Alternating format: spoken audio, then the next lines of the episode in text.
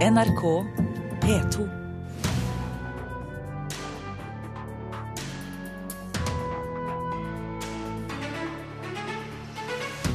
Hvis bare 80% av lytterne blir med over fra FM til DAB, er prosjektet en fiasko, mener redaktør. Tegneserieskaperen til populære Tintin nektet å gi ut sin første serie i farger, men nå skjer det likevel. Lekent og morbid fra Ian McEwan. Hans siste bok, 'Nøtteskall', er ute på norsk.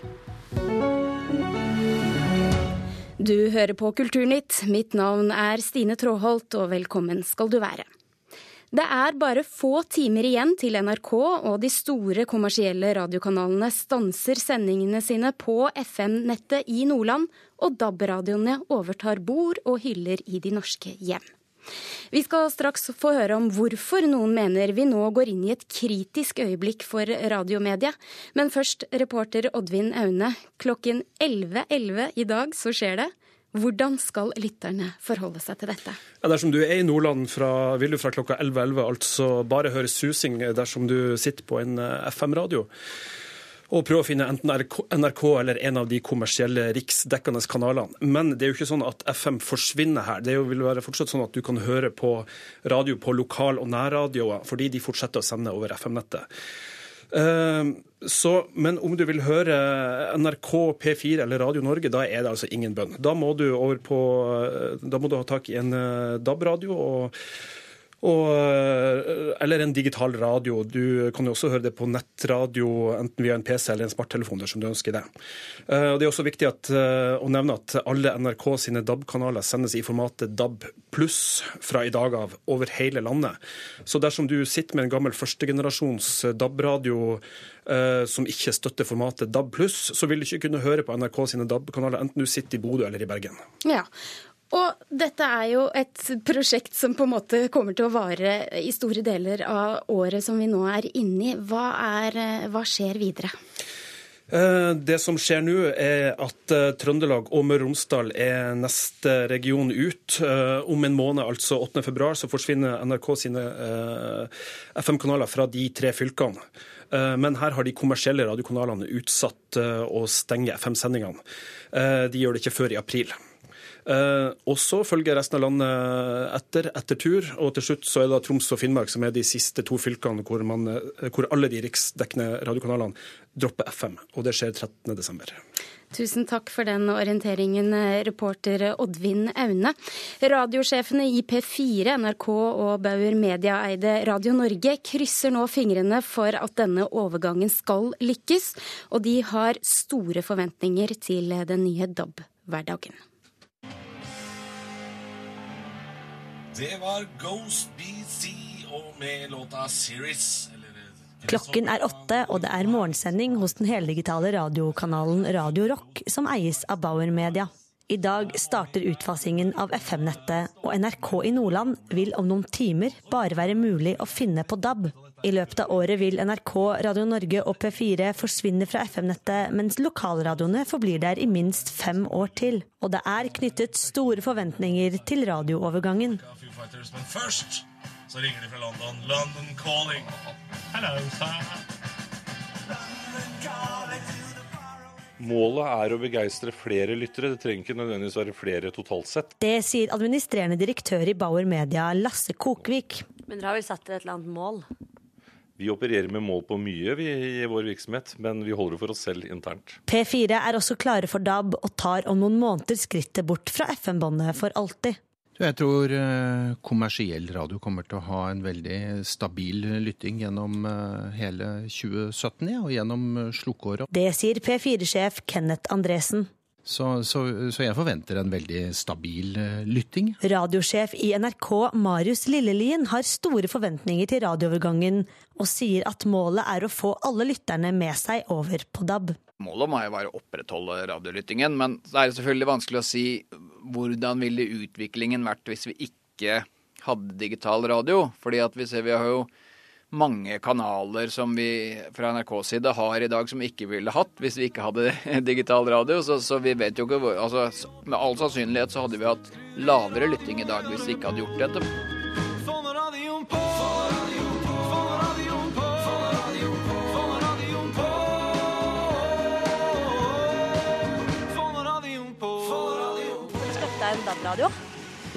Nei. Jeg hører eh, såpass lite på radioen, så jeg har ikke funnet det aktuelt ennå. Nei, jeg hører på mobilen. Ja, det har jeg. Ja, det har jeg. Så vi må jo det. Jeg har ikke noe valg. Egentlig tenkt over tanken. Jeg syns liksom det var så greit før. og fint med FM og sånn, så egentlig så liker jeg det ikke.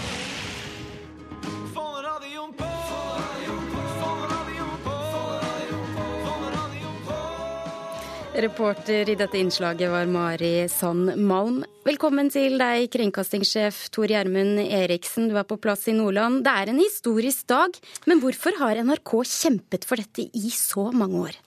Ja, god morgen. Fra i dag så får, kan vi altså tilby et, for første gang i historien et like godt radiotilbud over hele landet. Det er én av hovedgrunnene. Det andre er jo at vi de siste årene sammen med de kommersielle radioaktørene P4 og Radio Norge har kunnet utvide tilbudet, lansere nye kanaler. Og i dagens voldsomme mediekonkurranse fra nye medier, fra globale medier, så er jeg helt overbevist om at radioen hadde svekket sin posisjon dersom vi ikke hadde fått mer rom for å lage eh, nye og bedre radiotilbud. Og Det gamle FM-nettet gjorde at vi veldig mange steder i landet kanskje bare hadde én, to eller tre eh, kanaler. Fra i dag så har man flere titalls kanaler og kan finne den radiokanalen som virkelig treffer både hjerne og hjerte. Er du likevel spent på en dag som denne? Ja, Det skulle bare mangle. Jeg er uh, kjempespent. Uh, og jeg er litt takknemlig. Uh, vi, jeg er veldig glad for det samarbeidet vi har hatt med myndighetene. Det er jo vedtatt i Stortinget dette, og med de andre radioaktørene. Og så er jeg veldig takknemlig for den jobben som publikum skal gjøre. Vi hørte i innslaget her at veldig mange, altså de aller fleste, har kjøpt seg radioer hjemme for lenge siden. så det høres ut som det er en veldig stor endring i dag, men vi skal huske for de aller fleste lytterne, de er vant til å, å lytte på DAB og har gjort det i mange år allerede. Så for de aller fleste av oss vil det ikke være noen stor endring, annet enn at du må huske én ting, og det er å, å søke kanallista en gang til, for en gang i dag oppdatere den. Mm. Knut Kristian Hauger, redaktør i Kampanje. Hva mener du skal til for at denne overgangen skal bli vellykket? Altså, Radio som mediekanal har jo utvist en fantastisk overlevelseskraft eh, gjennom de siste 100 åra nesten, og, klart seg godt i konkurransen med innføringen av TV, CD, Spotify, det være seg det meste. Eh, nå er det bransjen selv som skal gjennomføre et stort teknologiskift, og jeg mener jo da at når bransjen selv driver denne, denne utviklingen, så bør de ha som mål å få med seg så mange som mulig av, av radiolytterne i dag. Eh, jeg tror personlig at radio som kanal kommer til å blø som en følge av dette skiftet. Og jeg tror bransjen skal være godt fornøyd hvis 90 eh, eh, gjerne mer, eh, blir med over på, på, dette skiftet. Kryper det tallet ned mot 80% av lytterne, så er, begynner dette å nærme seg en, en mindre vellykka overgang. Er du enig i det, Eriksen?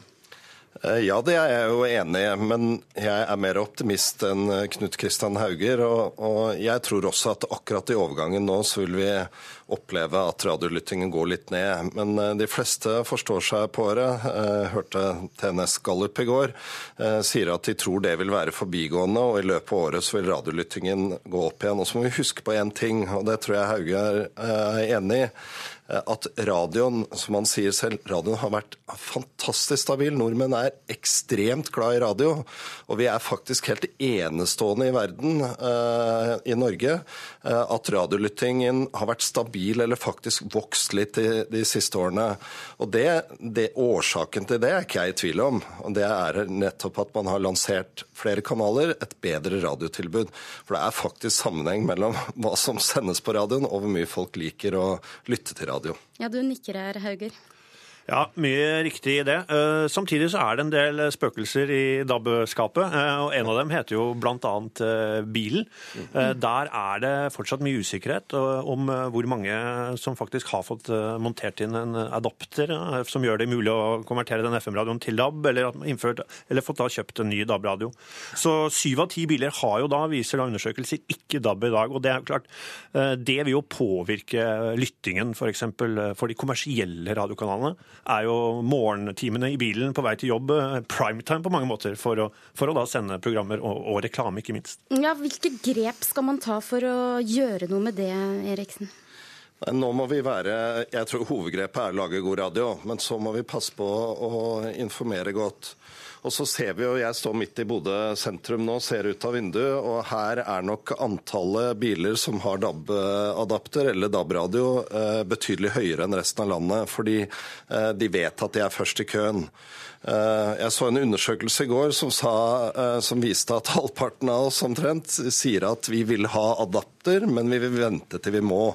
Så jeg tror nok at de neste ukene nå, i likhet med det som sies av Knut Kristian Hauger her, er, er veldig viktig, eh, og at veldig mange vil skaffe seg en adapter. For det er, som han sier, veldig viktig å få med oss de lytterne over, og det, det skal vi gjøre. Samtidig, da, folk elsker radio i Norge. Det det gjør nok også at de vil eh, gjøre en liten innsats for å få dette her til. Men denne DAB-debatten har vært hissig, og det har vært så mye motstand. Hvor kommer all denne motstanden fra, tror du, Hauger? Er det bare det at vi ikke liker forandring?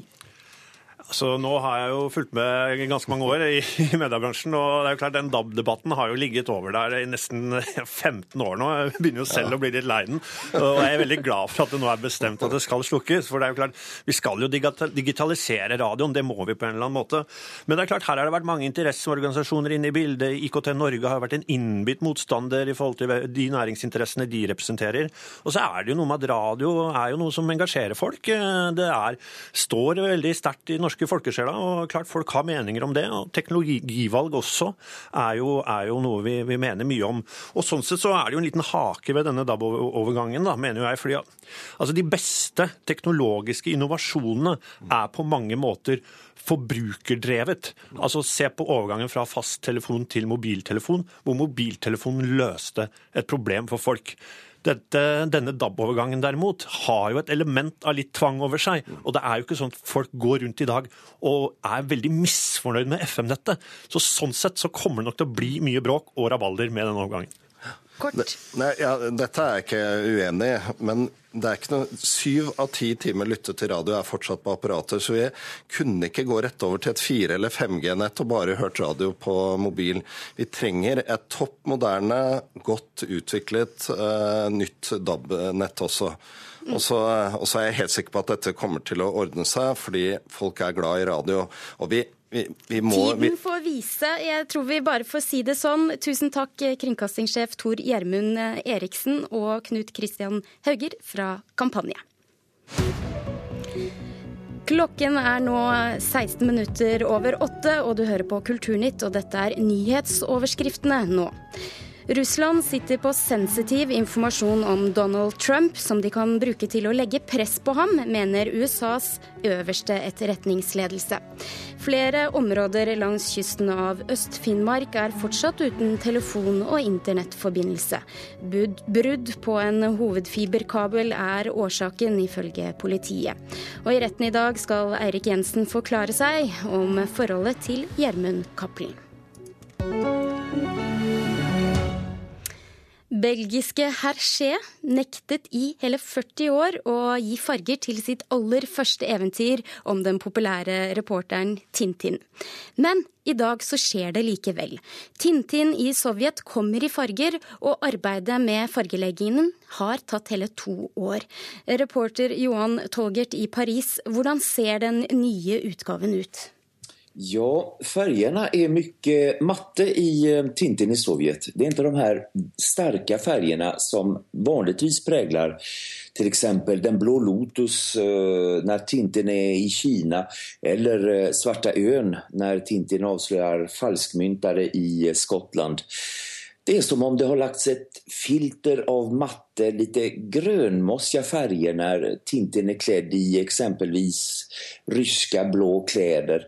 Eh, det är som om man har velat ta med läsaren tillbaka till 1930-talet när man i allmänhet inte hade så starka färger i tidningar och böcker. Så Tintin i Sovjet ska alltså kännas lite gammal. Och, ja. Hvorfor det spørsmålet jeg lurer på, hvorfor ville ikke eh, denne serieskaperen Hergé at dette skulle komme ut i, i farger? Vi har jo, som du sier, lest historien i mange år nå, de andre. Just det, det jo det faktisk. Hergé gjorde denne og veldig mange av sine andre serietekninger først i svart-hvitt, særlig då på 1930-tallet. Og sen så kom de ut i färg. Under många, många år, jag tror det var nästan 40 år, så vägrade han att göra en färgversion av Tintin i Sovjet. För han ansåg innerst inne tydligen att boken var ett misstag. Den är nämligen full av fördomar. Och det sägs att det var en präst på tidningen Le Petit Vingtième där Tintin-äventyren först publicerades i eh, serieform eh, från vecka till vecka. Den här prästen han ska ha velat sprida ett antikommunistiskt eh, propaganda i syfte för att vilja påverka alla unga läsare. De skulle bli rädda för kommunismen och Hergé ska då ha låtit sig influeras. Han var väldigt ung då, han var strax över 20 år bara när han gjorde den här Tintin i Sovjet. Och därför så var Hergé inte så stolt över Tintin. Men varför sker detta nu då? skulle komma ut i färg. Han ville glömma den. Men varför sker det då? När han var så tydlig på det. Ja, det är många som har tyckt att det var svårt att läsa den här svartvita boken. Man vill ha lite färg för att förstå eh, vissa detaljer i den. Och det kanske stämmer, för jag har tittat i den här boken och sett att det är klart att man ser och märker en rad detaljer. Som när han kör bil Tintin i farten här med små streck. Då kommer de här strecken fram och förhöjer själva känslan av att här går det undan, här går det snabbt helt enkelt. Men eh, det har ju blivit också stor kritik mot att eh, den färgversionen kommer ut. Många tintinofiler gillar det inte. De tycker att det är klart, ett klart kommersiellt ingrepp. Och man hade helst velat glömma bort att den här färgversionen kommer ut. Man säger att det är ungefär som om man hade gett färg åt uh, filmen Citizen Kane av Orson Welles. Men är det likväl att förvänta att det blir kö idag för att få tak i ett exemplar? Det tror jag säkert det kommer att bli. Oh ja. Eh, 300 000 exemplar har tryckts upp i Frankrike och en lyxversion av boken finns i 50 000 exemplar. Idag börjar reorna, alltså utsalg i Paris och det kommer att bli extra mycket folk i eh, butikerna men många kommer att välja att gå raka vägen till bokhandlarna. Tusen takk for den orienteringen, reporter Johan Tolgert i Paris.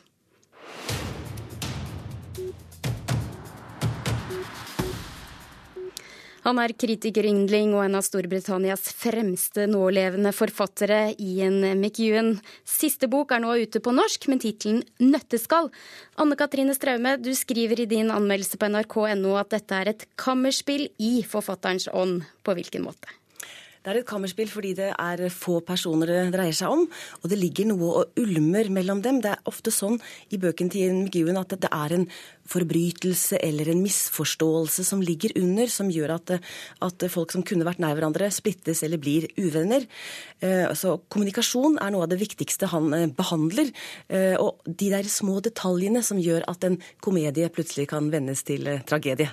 Men likevel så gjør han noe nytt her, for det, romanen er nemlig tett skrevet opp til en av verdens mest kjente stykker, Hamlet. Ja, og det syns jeg er veldig morsomt. Så for å bare dra Hamlet-historien. Vi kjenner jo den danske prinsen hvis far, kong Hamlet, ble drept av broren, Claudius, som giftet seg med moren Gertrude.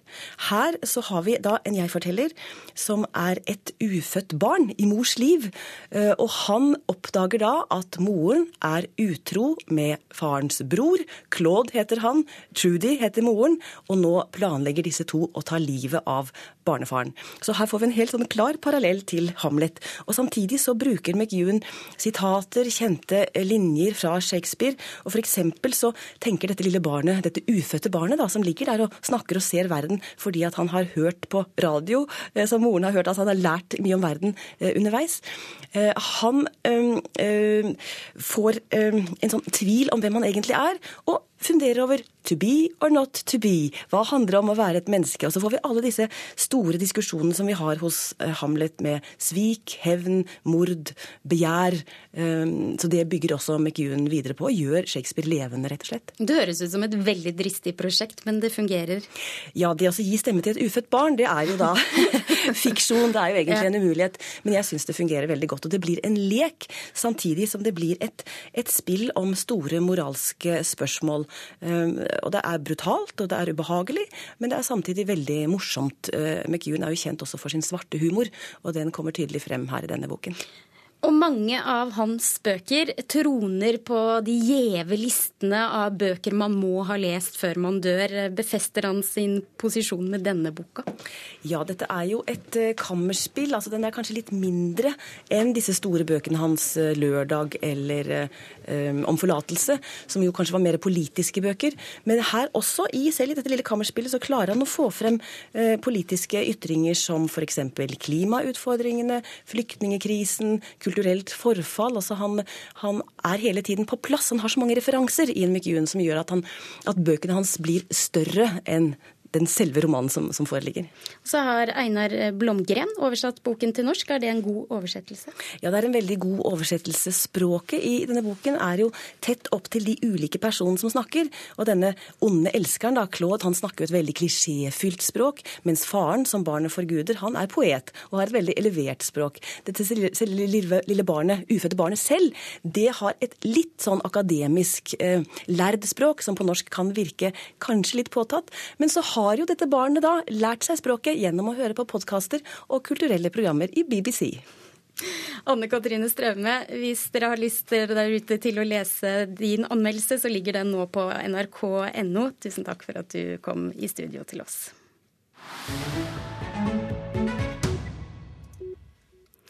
Det meste går galt i storsatsingen til Riksteatret denne våren. Men det er med vilje. 'Kollaps i kulissene' heter stykket som nå settes opp. Originalen 'The Play That Goes Wrong' har vært en dundrende suksess i London i tre år, og nå settes det opp i Norge først, før Broadway, og flere andre land vil følge etter. Velkommen til regissør Kim Haugen og Knut Nærum, som har oversatt stykket til norsk. Det er premiere om en drøy uke, Kim Haugen. Hvordan vil du beskrive stemningen i kulissene? jo, den er veldig bra. Det er veldig morsomt å prøve på når alt går galt. så... Ingen har... ekte tendenser til kollaps? Nei, det bør helst ikke være. Det bør være kontrollert. Men det er klart det er veldig mye som skal gå forferdelig galt, så vi må passe på ikke minst sikkerheten. Men uh, foreløpig har det gått veldig fint, og jeg har en utrolig skuespillergjeng med meg, så jeg syns vi er i fin rute. Hva skal gå galt? Ja, eh, jeg holdt på å si hva skal ikke gå galt. Eh, når man er skuespiller selv, så er man redd for å stå fast i teksten og komme inn på feil stikkord og eh, si gale ting. Men her er det vegger som faller og skuespillere som får dører i hodet. Altså Det er så mye vanvittig som skjer, og det gjør at man Ja, man går ut derfra og tenker man skuespiller skal man i hvert fall ikke bli. Og du har med deg Hege Skøyen og Ingar Helge Gimle bl.a. i sentrale roller. Knut Nærum, du har altså oversatt dette stykket til norsk. Hva handler det egentlig om? Det handler om et amatørensemble som skal sette opp et gammelt krimstykke. Eh, sånn at eh, mesteparten av det som skjer på scenen, er stykke i stykke. Eh, hvor alt som sagt går galt. Så det er et eh, Agatha Christie-aktig mysterium med, med død mann på sjeselong, mye nøkler og forgiftet um, Sherry. Sherry. Ja, Det høres jo ut som det kan bli ganske morsomt, men også, som i alle komedier, en helt ekstremt hårfin balanse, så det ikke blir krampaktig. Hvordan unngår det dette, Kim Haugen? Nei, men Det tror jeg er veldig riktig, fordi det handler om alvor. Altså, Det er jo ikke noe moro at ting går galt. Disse, disse amatørskuespillerne er veldig opptatt av at de skal få den fineste forestillingen ever. De, er, de står på slik at den seriøsiteten og det alvoret som ligger til grunn for, eh, for den forestillingen, det, det, må være der. Og det er da det blir ordentlig morsomt, for hvis man bare tuller, så er det jo ikke noe interessant. Dette handler jo om menneskets kamp mot tingene, når man har tingene mot seg. Akkurat det som gjør at vi ler av Chaplin og Buster Keaton og, og Donald Duck i tegnefilmene. Eh, og, og det morsomme er jo nettopp dette her. At når noen benekter at ting går galt, eh, når alle som sitter i salen, kan se at det går galt. Det er der humoren blir til. Mm. Hva var din første liksom, reaksjon når du leste stykket og bestemte deg for at dette kan jeg jobbe videre med? Du, jeg bestemte meg for at dette kan jeg jobbe med uh, før jeg leste det. For jeg, hadde, oh, ja. jeg, har, jeg, har, sett det i en tidlig utgave. Ja. Den gangen dette fortsatt var en studentoppsetning på Fringe-festivalen i Edinburgh. Så, så da jeg ble spurt, så bare klinka jeg til og sa ja med det samme. Og så er det omtalt som en krysning av Mr. Bean og hotellet i særklasse. Er det en riktig beskrivelse, syns du, Kim Haugen? Ja, det, det kan nok stemme, det. Og da ikke minst med tanke på alvoret. Men disse du tenke på John Cleese og, og, og Rowan Atkinson. Det, er så gode komikere. De har et stort, stort alvor i, i, sin måte å nærme seg stoffet på. Og da er det akkurat det som, ja, som må til. Eh, så jeg kjenner meg igjen det, selv om det selvfølgelig er et helt annet eh, landskap, i og med at vi er på en herregård innsnødd inne på et eh, sted da i 1922 på engelsk landsbygd. Så er, stedet er spesielt.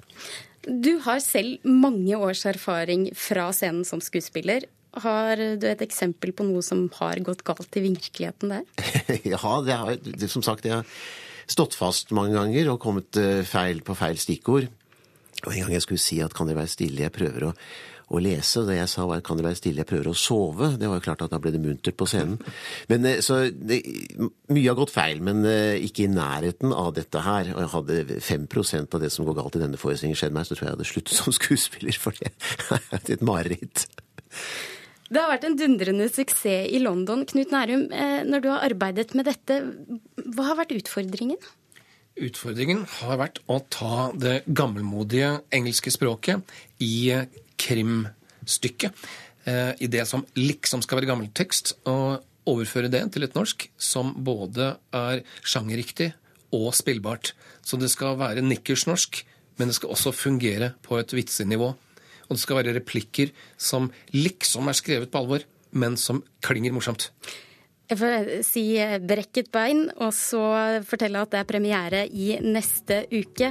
Denne sendingen er nå slutt. Thomas Alverstein Ove var produsent. Litt om hva du får høre på P2 straks. Kan noen gripe inn Hva er det med Stein Torleif Bjellas tekster som innbyr til å dikte videre på dem? Nå blir sangene hans til teater i forestillingen Kan noen gripe inn? Som foregår på en togstasjon der Bjella selv er stasjonsmester. Austgående tog er forsinka. Ha en fortsatt god dag. Møt han og regissør Lasse Kolsrud i Spillerom i dag. Fra 11 til 12 Spillerom. Hør flere podkaster på nrk.no podkast.